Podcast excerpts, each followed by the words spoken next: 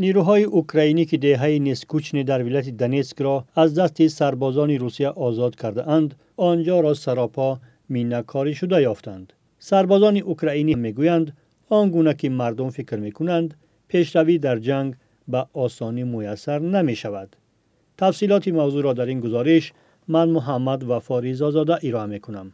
خطر پنهان و ناعیان پیشروی نیروهای اوکراین را سوست کرده است. рӯстои нескучнеро нирӯҳои украинӣ чанде пеш озод карданд вале қабл аз ақибнишинӣ сарбозони рӯз дар деҳа аслиҳаи кушанда кишт кардаанд. Дмитро сарбози украинӣ мегӯяд дар тамоми кӯчаҳо мина гузоштаанд. Вақте вориди деҳа шудем даромадгоҳи онро ҳам минагузорӣ кардаанд.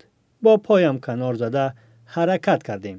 Чунин ва сарбозони украиниро водор мекунад که با احتیاط حرکت کنند تا به مینه بر نخورند. اندری کوزاکوف خبرنگار تلویزیونی نسیه شوریمی هم شاهد شد که نیروهای روسیه به خاطر سوز کردن پیشوی ارتش اوکراین محله ها را مینه کاری کردند.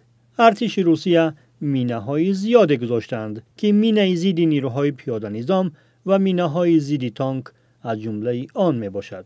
صرف نظر از این مشکلی ها به گروه از سربازان اوکراینی میسر شده است که قسم از مینه ها را برچینند. دمیترا سرباز اوکراینی می گوید این مینه پای و دیگر اعضای بدن را پاره می کند. همه جا را پاره می کند.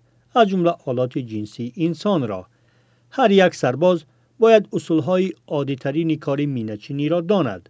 چگونه جستجو کردن و یافتنش را این کار را من خودم آموختم. سربازان روز حتی در داخل بیناها مینه گذاشتند. والری سرباز دیگر از اوکراین به خبرنگاری نسته شوریم مینه را نشان داده می‌گوید دتوناتور این مینه آماده است سربازان روسیه آن را گذاشتند تا ما نزدیک بیاییم و آن بیترکد استحکام های سخت در کمینگاه نیروهای روسیه حمله های جوابی نیروهای اوکراین را دشوار کردند. به سربازان اوکراینی سه روز لازم شده است تا یک کمینگاه روزها را بگیرند. به این خاطر ولری سرباز اوکراینی می‌گوید حمله جوابی آنگونه که آدما فکر می‌کنند آسان نیست.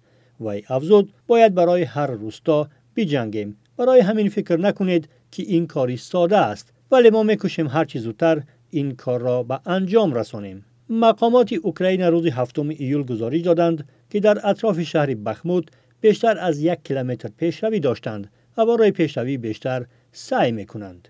اوکراین ماه ایون از حمله جوابی خبر داد و در روزهای اول هشت منطقه اهالی نشین را از نظامیان روسیه باز پس گرفتند. ولادیمیر زلنسکی رئیس جمهوری اوکراین گفت کشورهای غربی در ارسال اسلحه به کشورش تأخیر کردند و امکان دارد نیروهای روسیه برای مقاومت به حمله های جوابی آمادگی بگیرند.